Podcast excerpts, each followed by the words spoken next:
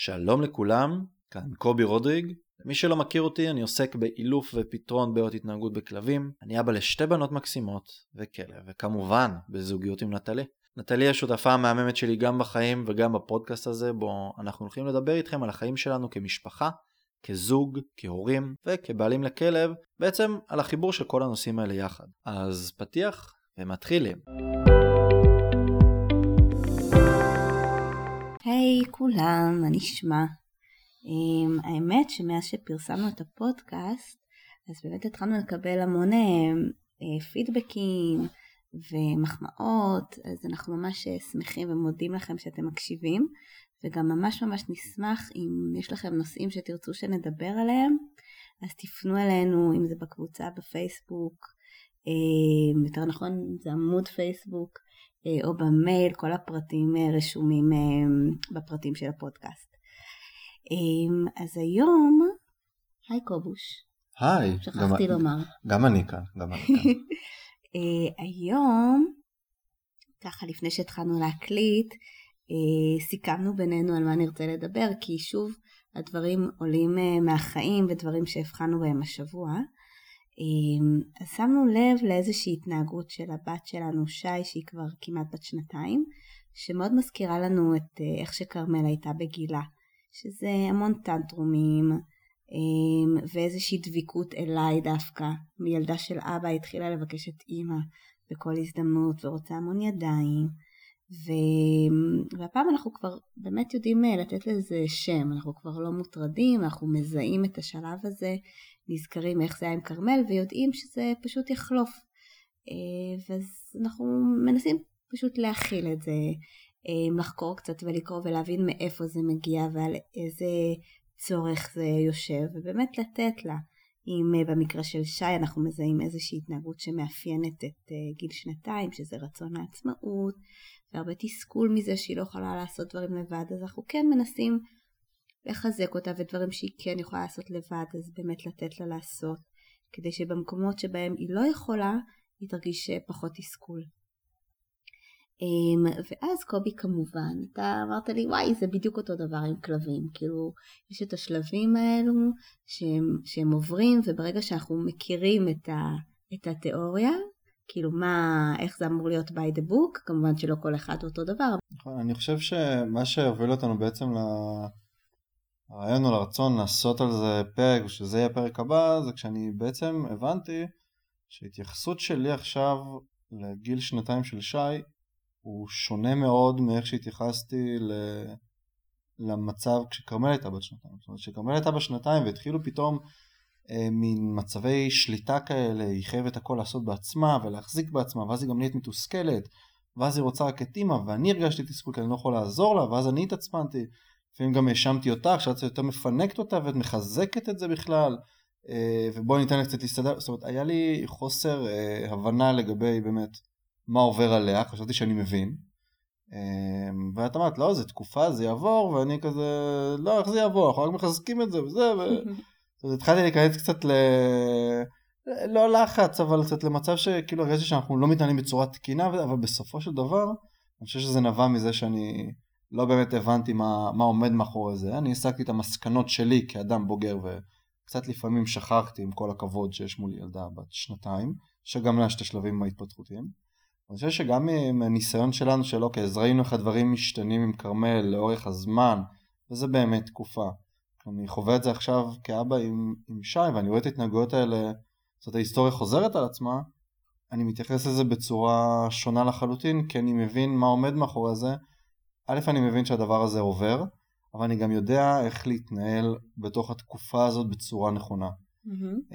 וזה גם קצת כמו עם גורים, יש הרבה דברים גם עם, עם גורים שעוברים, אבל אם אנחנו לא נתנהל עם זה בצורה תקינה, אנחנו יכולים לייצר השלכות אה, לא טובות להמשך. Mm-hmm. אז, אז, אז בעצם חשוב, הדגש שלי אה, על הפרק הזה, וחשוב לי שתיקחו מהפרק הזה, זה להבין שכלבים, כמו גם ילדים, עוברים שלבים התפתחותיים שונים, לא משנה כרגע הגיל, אבל זה משהו שאנחנו צריכים להכיר מראש ואנחנו צריכים אה, לצפות לזה שזה הולך להגיע וכשאנחנו כן נגיע לתקופות האלה אנחנו יודעים אה, מה שנקרא לאכול את זה נכון ואגב אני גם לחלק מהתקופות האלה רוצה להיערך לזה בהתאם ואני בהמשך אתן כמה דוגמאות לכל מיני דברים שקרו לי עם נגב אבל בגלל שהבנתי שאני נמצא איתו בתקופה מסוימת, ידעתי שאני חייב להתנהל איתו גם בצורה אחרת. Mm-hmm. ואנחנו תכף ניכנס לזה, נצלול לזה קצת יותר לעומק. אמ, יש לנו גם נגיד דוגמה מהשבוע מחברה טובה שלנו שהיא והמשפחה שלה לקחו עכשיו גור ויש הרבה התנהגויות שהיא ככה מתייעצת ובודקת איתנו אם זה אופייני לגיל הזה, כן או לא, למשל נשכנות, עד כמה זה טבעי, עד כמה להכיל את זה, איך להתנהג עם זה. אז אני מניחה שכשאתה יודע מה אמור להיות בכל שלב, אתה נערך לזה אה, ומה ההתנהגות ש... שרצוי לעשות. נכון. לצלוח את השלב הזה בשלום. בדיוק, ואז לפעמים אנחנו יכולים למנוע את זה מראש, כי אני יודע שזה הולך לקרות ואני גם מבין למה. וגם כשזה קורה אני לוקח את זה ב... אני מקבל את זה בצורה נכונה. זאת אומרת, וזה Mhm. לא אם, הגור שלי נושך אותי עכשיו, אני רואה הרבה אה, פוסטים בפייסבוק, קצת עונתי כזה. אה, אני רואה עכשיו הרבה פוסטים של אה, הגור שלי תוקף אותי. הוא נושך אותי, הוא, הוא רק רוצה לנשוך אותי כל היום ו- וכזה, אבל אם אנחנו קצת נבין למה, מהמם. אנחנו נבין ש- שלא מדובר פה בתקיפה של גור. אה, זה מקרה מאוד מאוד קיצון, אבל, אבל זה לא הנושא. אה, כן, גורים נושכים, זאת אומרת, הם לא באים לתקוף אותנו, הם באים לשחק איתנו. אה, כן, גור כמו, אה, כמו ילדה בת שנתיים, יכולה להיות מתוסכלת וכאילו לתת לאבא מכה, אבל זה לא מה שילדה אלימה. היא מאוד מתוסכלת והיא לא יודעת איך להביע את התסכול שלה. אפשר לראות את זה גם אצל גורים מאוד מאוד קטנים שלא מבינים מה רוצים מהם. הם, אה, הגור בא נושך אותי קצת כי כואבת לו הבטן, הוא רוצה לעשות ככה, תכף ניכנס קצת לענייני הנשכנות. אה, ואז אני קצת כועס עליו כי הוא נושך, ואז הוא מתחיל לנבוח עליי והוא מתוסכל והוא חוזר ונושך אותי שוב. אז, אז מה, הוא תוקפן? לא, הוא פשוט מתוסכל. אנחנו תכף נעבור ככה על השלבים ממש ממש בגדול. עכשיו חשוב לי להעביר איזה נקודה, אנחנו נדבר קצת על, כאילו, על קצת איזה מין שלבי התפתחות אצל, אצל ילדים וגם אצל כלבים. אנחנו, הדגש על באיזה גיל בדיוק זה קורה גם אצל ילדים וגם אצל כלבים הוא פחות קריטי, יותר קריטי לי, במיוחד אצל ילדים, שתבינו שיש איזה מין שינוי מסוים ש, שקורה לאורך החיים. ואנחנו צריכים לדעת שיש שינויים ולהבין למה השינויים האלה קורים ולהכיר אותם. עם כלבים אני כן יוכל, כי זה המקצוע שלי, אני כן יוכל לתת יותר דגש על התקופות. אה, עם ילדים, בגלל שאנחנו לא מתעסקים בפסיכולוגיה ובהתפתחות אה, ילדים כ- כמקצוע, אנחנו לא רוצים שתיקחו מאיתנו את הדגש על, על הגילאים הספציפיים ועל הדיוק ברמת המילה. המטרה היא להבין שיש שינוי, מדובר ביצור חי שעובר שינויים גם פיזיים אבל בעיקר גם פסיכולוגיים ונפשיים ואנחנו צריכים להבין מה, מה קורה מהצד הזה ולהערך בהתאם.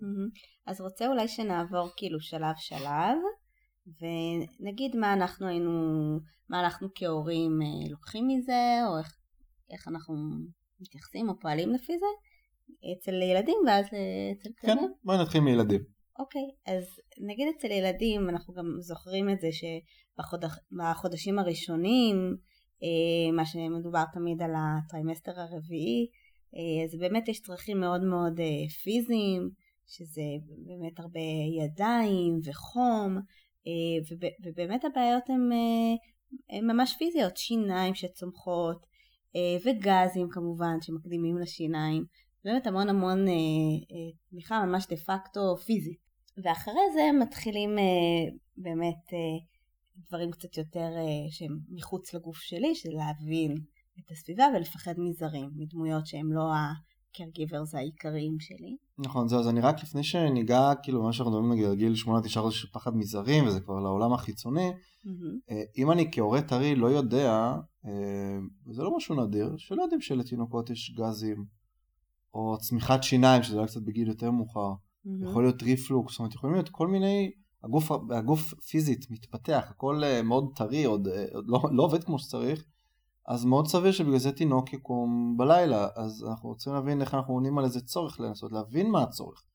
אה, ונכון, זה מאוד מתסכל לקום כמה פעמים בלילה, שאנחנו לא יודעים מה זה, אבל צריך להבין שיש סיבה פיזית כנראה שגורמת לתינוק לא לישון, אם אנחנו לא מודעים לזה שיכולים להיות בעיות גזים, ריפלוקס בהמשך, שיניים, מהמם. ולהבין שיש לזה גם השפעות באמת לא נעימות על התינוק ובגלל זה הוא בוכה, זה יכול להביא אותנו להמון המון אה, תסכול ולחץ. אבל אנחנו יודעים שהדברים האלה הולכים לקרות, מנטלית קצת יותר קל לנו להערך את זה. אני חושב שבגלל זה הרבה פעמים אה, כשמדובר בילד שני או שלישי אנחנו לא מכירים, לפחות אצלנו, עם ילדה שנייה, אה, היה לנו הרבה יותר קל להתמודד עם הדברים האלה כי ידענו שזה הולך להגיע וגם כשזה הגיע ידענו שזה עובר וידענו גם פחות או יותר מה זה, ידענו איך להתמודד מהמם. באותה סיטואציה.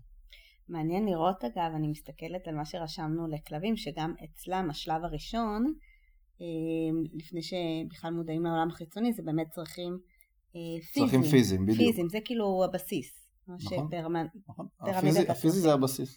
אז מה נגיד, ה- אצל כלב זה הרבה יותר מהיר שלבי ההתפתחות, מן הסתם זה בשבועות ולא בחודשים, אבל בשבועות הראשונים מה מאפיין אה, אה, צרכים פיזיים יותר של כלב? זהו, אז אני, אני לא אכנס לממש לשבועות הראשונים לחיי הגורים, כי שם לרוב הגורים לא נמצאים אצל רוב הבתים, זאת אומרת נמצאים אצל, ה, אצל המגדלים, הגורים נמצאים אצל, ה, אצל האימא, אה, הם יונקים, הם לומדים ממנה את ההתנהגות, אבל בתכלס האינטראקציה העיקרית של מרבית האנשים אה, בעולם עם כלבים זה לרוב מגיל שבעה שבועות שבהם זה, זה הגיל ה...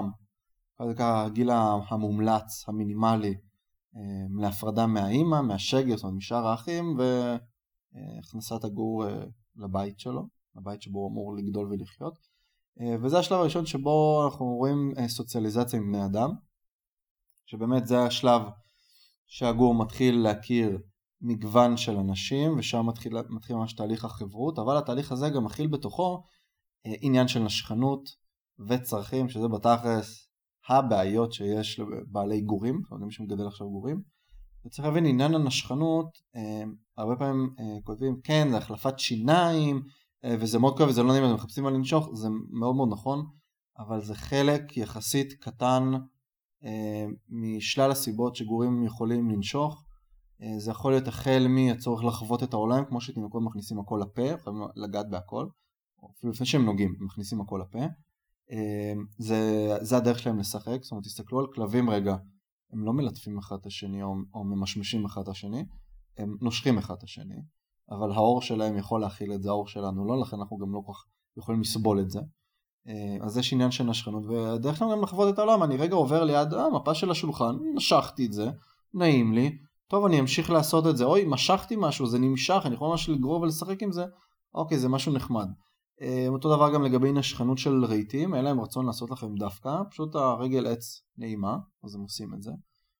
אה, וזה זה, זה הצורך באמת של כלבים, כלבים הם, הם לרוב גם חיה אוראלית, הם אוהבים לנשוך דברים, לכרסם דברים, זה חלק מהם, אנחנו צריכים לדאוג אה, לנתב את זה נכון, אה, ואני גם אגיד כהערה שהיא חצי בנושא ההתפתחותי וחצי בנושא ההתנהגותי, שנקרא אילופי, אחת הסיבות שגורים ממשיכים לנשוך ידיים לאנשים, גם כשהם גדלים, זה כי אנחנו משחקים איתם המון עם הידיים, אנחנו לא יודעים מתי כן נכון לגעת בהם ומתי לא, בגלל שהם רגילים מה שנקרא לטעום אחד את השני עם הפה, הם ממשיכים לעשות את זה איתנו גם עם הידיים, וחשוב uh, כבר להגביל את זה בשלבים מוקדמים ולדעת איך לעבוד עם זה נכון, אבל באמת עניין הנשכנות זה צורך, uh, ואני מסביר את זה לכל בית עם גור שאני נכנס, להפסיק נשיכה של גור זה משהו שאני לא רוצה להפסיק וזה משהו שאסור לי להפסיק כי זה חלק מהתהליך ההתפתחותי. אני לחלוטין כן יכול לנתב את הצורך של גור לנשוך למקום נכון, זאת אומרת תנשך צעצוע, תנשך עצם, תנשך משהו תוך כדי משחק, לדעת לנתב את זה נכון, נגב לדוגמה מעולם לא נשך אותנו, אולי תוך כדי משחק בטעות, מדי פעם אולי נתפס על המכנס כזה בחוסר ריכוז, אבל לרוב זה לא קרה כי אני יודע לאן אני נכנס, זאת אומרת אני, אני מכיר את הכלב, כן גם מגיל 10-11 שבועות שהגיע אלינו אני, אני הבנתי בדיוק את המטריה ולאן זה הולך וידענו לנהל את זה נכון וזה בסדר שגורים נושכים, הדבר הזה אומנם זה צורך גם פיזיולוגי וגם מנטלי שעובר, אבל אם אנחנו מתנהלים זה לא נכון, הצורך הרגעי הזה, הרגעי לצורך תקופת ההתפתחות הזאת, הוא כבר ממומש, בסדר, אבל זה הופך להיות הרגל. זאת אומרת, זה שאני עכשיו כגור רוצה לחוות את העולם, אז אני רגע נשכתי רגל של שולחן, אם ימשיכו לאפשר לי את זה, זה כבר יהפוך לי להרגל של משעמם לי, אני אנרגטי, אני רוצה תשומת לב, אז אני נשך את השולחן. לכן חשוב לטפל בדברים האלה בצורה נכונה. כל הדברים שהם כאילו בעיות, שמקושרות לנו לתקופות התפתחותיות, צריך להבין שכל דבר כזה יכול להפוך להרגל.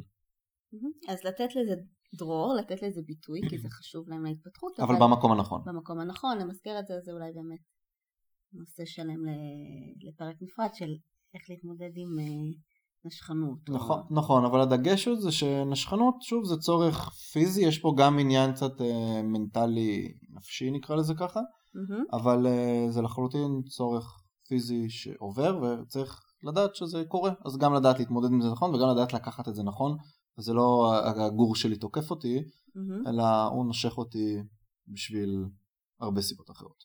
כן, אם נקביל את זה לילדים, אז זה באמת השלב אוראלי, הוא בעצם היה האופן שבו הם רוצים לטעום את העולם, להכניס הכל לפה, אז אנחנו בהחלט ניתן להם להכניס לפה, אבל אנחנו ניתן להם מגוון צעצועים או דברים שלא מזיקים להכניס לפה, ואנחנו נכון. אה, נעצור את זה ברגע שזה הופך להיות דברים שלא ראוי שהם יכניסו לפה, שהם מלוכלכים, מוחדים, או, או לא יודעת מה. נכון, כל אחד אה, גם בהתאם לאג'נדה האישית שלו של מה שמתאים לו. נכון, אז אם עברנו את השלב של הצרכים הפיזיים יותר, אני רואה עוד הקבלה שקורית אצל ילדים נגיד בגיל 8-9 חודשים פלוס מינוס, ואצל כלבים בגיל 7-8 שבועות, שזה נושא הסוציאליזציה עם, עם בני אדם, שאצל ילדים אנחנו יכולים לראות שזה בא לידי ביטוי בפחד מזרים, ואצל כלבים אז אני מבינה שגם יש איזושהי חריטת נכון. פחד בדיוק אצל כלבים, אצל כלבים זה קורה ב... יש שתי תקופות כאלה של חריטת פחד, וזה תמיד קורה גם במקביל לעוד תקופה התפתחותית מנטלית מסוימת, אז מדובר על שלב הסוציאליזציה מבני אדם, שבו אנחנו אה, גם חושפים אותם לבני אדם וגם לסיטואציות. אה, לדוגמה, הנגב כשהוא הגיע אלינו לעיר, אה, אז כמובן חשפתי אותו לאנשים, לכלבים, אבל גם למשאיות, לאופנועים. ודברים כאלה, אבל זה גם גיל ששוב במקביל יש כאן um, שלב של חריטת פחד, שבשלב הזה כאשר יופעל על הגור יותר מדי לחץ או ייחשף לגירוי מפחיד יותר מדי, עכשיו מה זה מפחיד יותר מדי?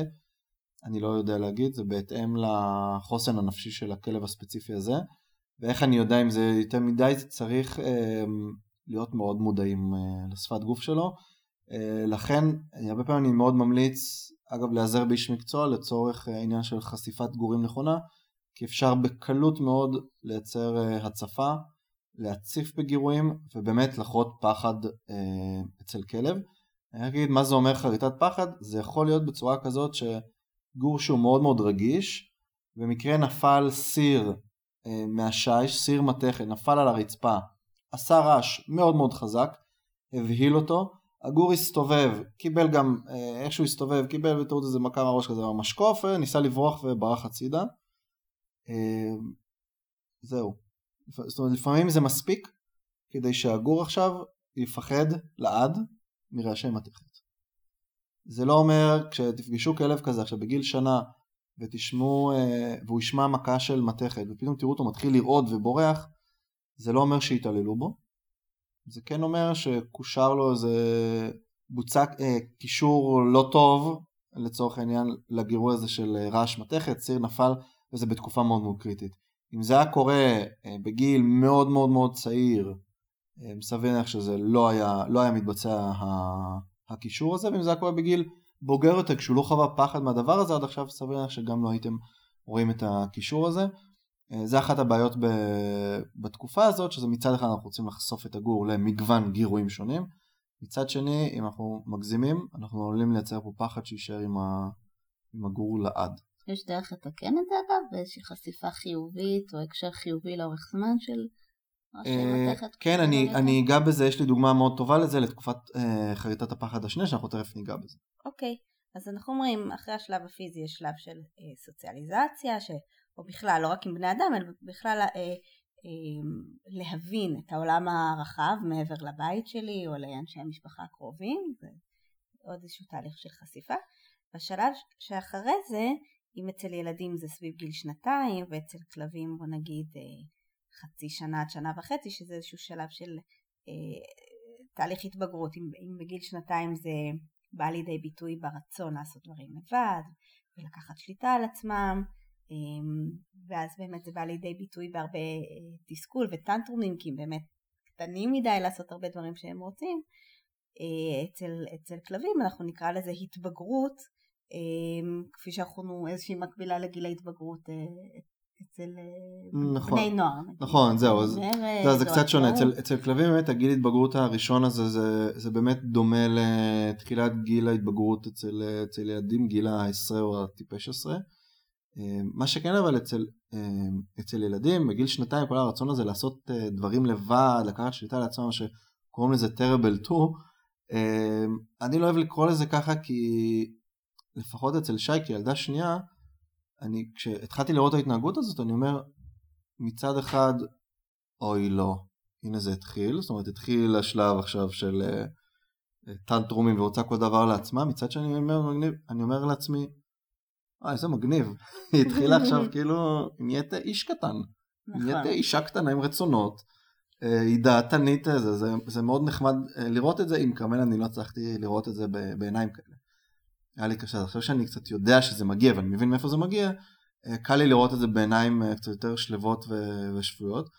אז אם אני לרגע אחזור קצת לכלבים, באמת אצל כלבים השלב התבגרות הזה, אה, זה באמת פעם ראשונה שאנחנו רואים התבגרות מנטלית יותר, זה באמת קצת יותר דומה, גם איך שאני זוכר את עצמי בגיל הטיפש הזה, פתאום משהו במשמעת קצת מתערער, וזה קורה בתקופה שהיא קצת בעייתית מבחינת למידת התנהגויות, שאנחנו מלמדים גורים התנהגויות. אה, בין אם זה גמילה מצרכים, אה, לימוד כל מיני אה, פקודות או אותות, נקרא לזה ככה, של ללמד אותם שב, ארצה, אליי, דברים כאלה שהכלב היה מאוד ממושמע וקלט הכל מהר. פתאום אנחנו רואים בגיל, זה נע בין חצי שנה, שנה פלוס, זה מאוד מאוד תלוי בגזע. אני רק אגיד כהערת שוליים, גזעים קטנים מתבגרים יותר מהר, גזעים גדולים מתבגרים יותר לאט. אז בגלל זה יש איזה מספקטרום מאוד מאוד רחב לתקופות האלה, נגיד בין חצי שנה לשנה וחצי. אז בגיל חצי שנה עם הרבה אה, כלבים יכול להגיע לר- לרמת משמעת מאוד מאוד גבוהה, רמת תקשורת מאוד מאוד גבוהה, ואז מה שקורה אצל רוב האנשים פתאום משחררים. גם מבחינת הצורת עבודה, עובדים איתם פחות, פחות מחזקים, אומרים טוב הוא יודע, הוא כבר נגמל מצרכים, הוא כבר למד, הוא מקשיב לי, אני הולך איתו בלי רצועה, הכל בסדר, אבל אז בדיוק נכנסים לגיל ההתבגרות, ואז קצת אחרי שהפסיקו כבר לתרגל איתם כמו שהם מתרגלים איתם עד עכשיו, הכלבים גם ככה נכנסים עכשיו לתקופת גיל ההתבגרות, ששם לא אכפת להם מכלום חוץ מעצמם וממה שהם מחליטים שחשוב להם. פתאום אני אקרא לכלב שלי ואז הוא אומר, אה, אני רואה ענף או עלה או אני מריח פיפי של כלב אחר, טוב אני אלך לשם זה יותר מעניין ממך כרגע.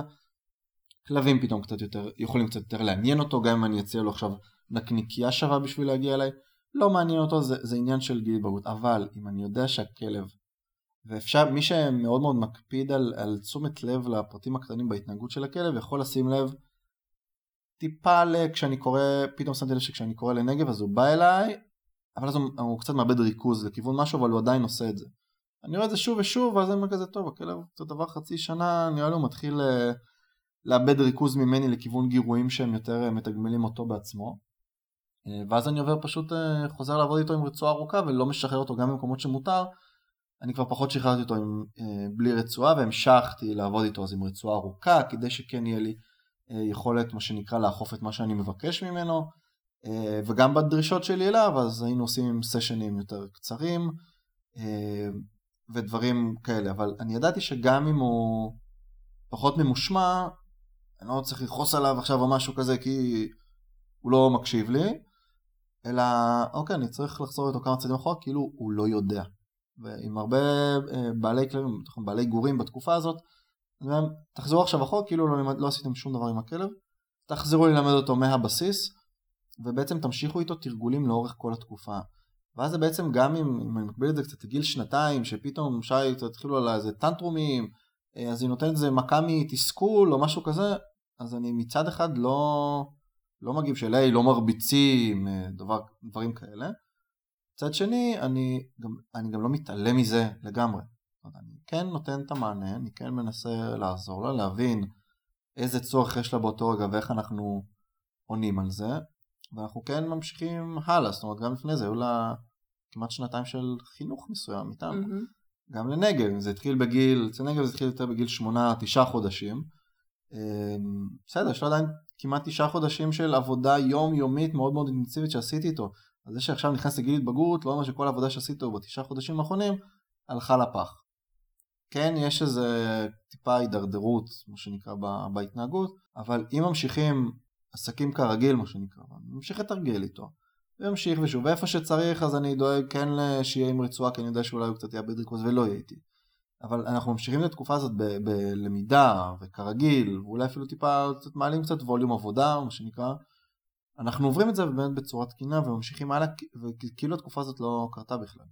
אבל איך אתה בכל זאת, הרי דיברנו בהתחלה שאם יש צרכים צריך לתת להם אה, אה, לבוא לידי ביטוי, אז אם עכשיו אה, נגב רוצה, לא יודעת אם קורא לזה נמרוד, אבל אה, אה, להריח את אותו ענף או משהו כזה כשהוא, כשאסור לו, כשאתם באמצע טיול ואתה ממהר, אז איך אתה כן בכל זאת נותן לו לעשות את הדברים האלה באיזושהי מסגרת. כמו למשל, אה, לא יודעת מה, אם אני עכשיו ממהרת ושי מתעקשת לשים נעליים בעצמה, למרות שהיא לא יודעת לשים נעליים בעצמה, אז אולי אני אקציב, אה, אני אקבע עם עצמי ששתי דקות אני נותנת לה להתבחבש עם הנעליים, ובסוף אני אגש ואני אשים לה אותה באופן שהיא תחשוב שהיא שמה לעצמה, לא יודעת. כאילו... זהו, אז, אז זו שאלה טובה, כי אז עם כלבים אני לא ארצה בדיוק לתת לו לעשות את מה שהוא רוצה, כי עם כלבים התנהגויות כאלה מחוזקות ומתקבעות. Mm-hmm. מה שכן, אני אנצל את מה שהוא רוצה, שוב זה בלי קשר לגיל הזה ספציפית, זה באופן כללי כ- כפילוסופיה, אתה רוצה משהו שבאופן כללי לא אכפת לי שהוא יקבל, זאת אומרת הוא רוצה לרוץ עכשיו לאיזה ענף לנשוך אותו, בדיוק כשקראתי לו, אין בעיה, תגיע אליי, תתוגמל על זה שהגעת אליי ואז תקבל את הענף שרצית. Okay. אוקיי. זאת אומרת אתה תקבל את מה שאתה רוצה, אבל אמ, דרך השער גישה שלי, זאת אומרת תגיע אליי, דרכי אתה תגיע למה שאתה רוצה, mm-hmm. כמובן בהתחשב שזה באמת אפשרי. אצל כלבים, בשונה מילדים, אנחנו לא תמיד נרצה אה, לתת להם את מה שהם רוצים, אבל אני צריך לחשוב אה, מה הצורך שלהם בדבר הזה. Mm-hmm. עכשיו, אם אה, הצורך שלו זה, זה פשוט מבחינת עניין, יש לי עכשיו משהו יותר מעניין, זה לא צורך שאני דווקא ארצה לתת לו מענה עליו, אבל אני כן אאפשר לו גישה לדבר הזה שוב דרכי. צורך שכן תיתן לו מענה? זה נגיד אני צריך פיפי עכשיו? או כאילו איזה צורך? כן, ברור, זאת אומרת צרכים פיזיים אני, אני תמיד מן הסתם אה, אתן לו מענה, אבל עדיין אני, וזה בדיוק הנקודה וזה גם קצת ההבדל, פה אנחנו גם מדגישים על דגש בהבדל בין ילדים לכלבים, בשלב גיל ההתבגרות אני חושב שאני מבחינתי, על, על, על איזה מענה אני כן אתן או מה אני כן נותן מעצמי אה, בשביל הכלב בגיל הזה, mm-hmm. זה פשוט את ההבנה שהדברים האלה קורים, mm-hmm. לא לקחת את זה קשה ולא לכעוס על הכלב כי הוא מתנהג בצורה כזו או אחרת בגיל הזה, פשוט לדעת לעבוד עם זה נכון, ולא להוציא את התסכול שלי על הכלב, זאת אומרת זה, זה הדבר היחיד שאני יכול להגיד, זאת אומרת זה לא כמענה לצורך של כלב, אבל זה הדבר היחיד שאני כן צריך לדעת מעצמי למערכת יחסים שלי עם הכלב שלי בתקופה הזאת שלו. הבנתי. אמ, השלב הבא והאחרון אני חושבת שנדבר עליו זה אה, נגיד אצל אה, בני אדם זה סביב גיל 4 ואנחנו רואים את זה בדיוק עם אה, כרמל הבכורה שלנו איזשהו שלב של עליית מדרגה בהבנה של העולם אז היא, היא מתחילה לבוא עם פחדים שהם פחות דברים שהיא ראתה בעיניים שהם ככה יותר תיאורטיים נקרא לזה אבל שהיא מצליחה לדמיין למשל פחד מגנבים או פחד ממפלצות הבנה שיש עולם דמיוני ויש עולם אמיתי והיא כל פעם בודקת מה יכול לקרות בעולם האמיתי שלה אה, וגם הבנה קצת יותר גדולה של, של סדר יום, כאילו דברים שהם חיצוניים אליה, יותר, אה, בוא נקרא לזה, באמת עליית מדרגה בהבנה של העולם. ואם ניקח את ההקבלה של זה אה, לכלבים, אז אני חושבת שזה סביב גיל, שוב הטווח פה הוא גדול, אבל חצי שנה עד שנה וחצי, תלוי באיזה כלב, זה, זה חריטת פחד שנייה, שוב איזושהי נכון. עליית מדרגה שם, בפחד. נכון, אז שם, ושוב עשינו תמיד החריטת פחד נצמדת לנו לאיזה גיל, דווקא לגיל שלא היינו רוצים שזה ייצמד לשם, שזה באמת כמו שאמרנו מקודם לגיל ההתבגרות, אה, שם יש את תקופת אה, חריטת הפחד השנייה, שפה יש עוד איזה מין אפיזודה כזאת של אה, הפעלת לחץ גדול מדי על הכלב, או היחשפות לאיזו סיטואציה מפחידה, אה, יכולה לייצר באמת קישור שמתקבע אה, אפשר להגיד לעד, זאת אומרת, זה באמת, ולכן קוראים לזה גם חריטה. אה, אז שוב, רק חשוב לי להדגיש, אנחנו לא משווים את זה בין תקופת התפתחות אה, גיל 4 אצל ילדים, זה פשוט מה שאנחנו באופן אישי כמשפחה עם כלב חווים כרגע, זאת אומרת כרגע יש לנו ילדה בגיל 4, זה השינויים שיה, שהיא חובה כרגע, יש לנו את עוד בת שהיא בגיל שנתיים, זה השינויים שהיא חובה כרגע, ויש לנו גם כלב שלאחרונה יחסית עבר את גיל שנה וחצי וזה מה שחווינו איתו. אמ, אנחנו לא באים להקביל כמובן בין התקופות, הן מאוד שונות מן הסתם במשמעות שלהן ובהשלכות. אבל אה, כן, יש בגיל השנה וחצי, זאת אומרת שהכלב כבר מתבגר, ואז יש שינויים בהתנהגות, אה, ושם אנחנו לפעמים יכולים קצת להפעיל יותר לחץ, גם ככה יותר מתוסכלים, כי הוא לא מקשיב לנו, זה דווקא הגיל שבו הכלב עלול פתאום לפחד מהבעלים שלו יותר, אם הבעלים שלו קצת הרים עליו את הקול, או אה, משך ברצועה אה, בטעות חזק מדי, שוב באמת מתסכול, הכלב עלול, זה באמת עלול לבסס איזה פגיעה במערכת יחסים עם הבעלים, ובכלל גם פחד, ופה אני אתן איזה דוגמה שקרתה לי באמת בחיים האמיתיים עם נגב, ובגלל שאני ידעתי שאני נמצא איתה באיזה תקופה מאוד מאוד רגישה, אה, עבדתי על גם לתקן את זה מאוד מאוד מיידית, אה, מיידית ואני אתן את הדוגמה. אה, אני הולך עם נגב הרבה לגינות משחקים, לגינות ילדים, גם בגלל שאני רוצה שהוא ייחשף כמה שיותר לילדים וברוגע, וגם כן מה לעשות, זה החיים, אנחנו עם שתי בנות, הולכים איתם לא מעט לגינות משחקים ומאוד נוח שהכלב מתלווה אלינו מתי שאנחנו רוצים, מתי שזה נוח לנו. אה, אז הייתה איזו סיטואציה, באיזה ערב אחד היה די חשוך, אני הייתי בעגלה עם שי, נגב היה עם רצועה לידי, באנו להיכנס בשער של הגינה, אה, ומישהו בא לצאת, או שהייתה איזה אימא אחת עם עגלה שבדיוק באה להיכנס, ואז אני זזתי קצת עם עגלה וטוב דרכתי על נגב. בדיוק כשבאנו להיכנס בשער, ממש בקו של השער, ואז נגב כזה עשה צמחה קטנה, זז אחורה. אז אני רציתי לתת לה לעבור, זזתי אחורה, עוד פעם בטעות דרכתי עליו, קרה ארבע פעמים ברצינות, וזה, וזה קרה כל כך, זה קרה כל כך מהר, שהוא הסתבך לי רגע עם הרצועה ברגל, דרך, יצא איזה ארבע פעמים ברציפות, שדרכתי עליו בטעות, דחפתי אותו, וזה קרה כל כך מהר, וס, ואז כשנכנס, אז הוא מיד כזה ברח פנימה כזה עם הרצועה, משך פנימה כזה כדי לצאת מהסיטואציה, הוא הרגיש שהוא קצת נכנס לאיזה מין אה, קירות שלוחצים עליו והוא חייב לצאת מזה, אז הוא עבר את הגדר מהר, ואז שם השתחרר הלחץ. אה, הקישור שקרה לנגב, וזה לא היה קורה לו בתקופה אחרת לדעתי, שוב מה שאני מכיר את הכלב, נגב הבין שבשער יש לחץ מאוד מאוד חזק, וכשהוא עובר אותו מהר, זאת אומרת ברגע שהוא עובר לצד השני, אין לחץ, זאת אומרת לא, לא קורה כלום. ואני שמתי לב לזה, שכל פעם שאני עובר איתו ליד הגינה, הוא כזה מסתכל, רגע, אנחנו הולכים להיכנס? לא הולכים להיכנס? אם הוא רואה שאני הולך להיכנס, הוא טס פנימה ונעצר מהצד השני של השער. ואז אני מיד עשיתי את הקישור הזה של מה שקרה אתמול, הבנתי באיזה תקופה אני נמצא, אמרתי אוקיי, צריכים לקחת כמה צעדים אחורה, אני הולך לעבוד עם נגב על כניסה איטית, רגוע, משער לשער. בכניסה לגן שעשועים, ביציאה מהגן שעשועים, אנחנו עוצרים, יושבים, נרגעים, עובדים איתו על דברים אחרים, אני מביא איתו על שף, הוא מקבל אוכל, אומר לו עצור, הוא מקבל אוכל, יוצאים החוצה, מקבל אוכל, נכנסים שוב פנימה, זאת אומרת עושים איזה מתהליך התניה מאוד מאוד מאוד בסיסי, בלי לחץ, הכל בכיף, אנחנו עושים פה שינוי רגשי ביחס לשער שלנגב מכולה סיטואציה אחת שבאמת קרתה, זה עניין של שניות. הארבע פעמים האלה שהוא קיבל פעם אחת אחרי השנייה שבטור דרכתי עליו ודחפתי אותו אה, ובוצע קישור לשער וברגע שהוא עבר את השער כבר לא היה לחץ זהו, נחרט. אבל בגלל שעשינו את התיקון הזה כמעט ומיד למחרת כבר התחלנו לעבוד על זה אה, הדבר הזה כמעט ונעלם. אפשר רק חדי העין ישימו לב לאיזה אה, התנהגות של טיפה אוזן הוא זז קצת בלחץ שאנחנו עוברים בשער כי זה משהו ש... שאני חייב לקרוא אבל התנהגות מאוד השתפרה מאז אז שוב חברים גם אנשי מקצוע יכולים לעשות טעות זאת אומרת אנחנו נמצאים בחיים האמיתיים אנחנו לא בתנאי מעבדה אז כאן יצא שנגב בטעות למד שמעבר בשער אה, בשער של הגן שעשועים יכול לייצר לו אי נעימות אה, אבל הוא, הוא מהר מאוד עשינו קצת אה, סוג, סוג של תהליך החלמה בסיטואציה. מצוין שתפסת את זה ממש בזמן. אבל איך ידעת שנגב נמצא עכשיו בשלב חריטת פחד שנייה? כי אני יודע בן כמה הוא. זאת אומרת, זה, זה באמת, זו תשובה מאוד מאוד פשוטה.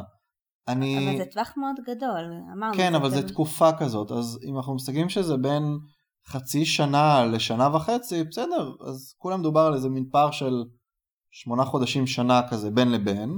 אוקיי. עכשיו אני גם רואה את ההתפתחות של נגב אז אני רואה איפה הוא על, ה...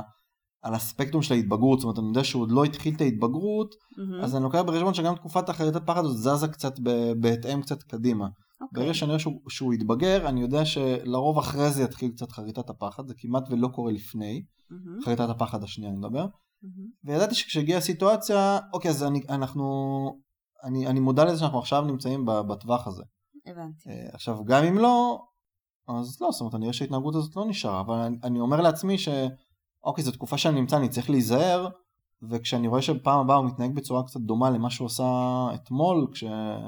כשהוא קיבל בתור תדריכות על הרגליים כשנכנסנו לגינה, אמרתי, אוקיי, אני נמצא בתקופה הזאת, קרתה את הסיטואציה הזאת אתמול, אני רוא... ראיתי איך הוא מתנהג ואני רואה ניצנים של זה עכשיו, אני יודע שאנחנו צריכים לתקן את זה. באמת. זהו, פשוט מאוד, פשוט צריך להיות מודעים לזה. נפלא. אה, כרגיל, החכמתי גם אני, אז אה, נלך לקחת את הבנות. יאללה, לא נספיק לקפה, אבל בסדר. נל... נלך לאסוף את הבנות מהגן ונתראה בפרק הבא. אז תודה שהקשבתם לעוד פרק, מקווים שנהניתם. אם יש לכם שאלות, אתם מוזמנים אה, לשאול אותנו גם בעמוד הפייסבוק שלנו משפחה עם כלב, או לכתוב לנו מייל לכתובת podcast.familydog שטרודלג'ימל.com נתראה בפרק הבא.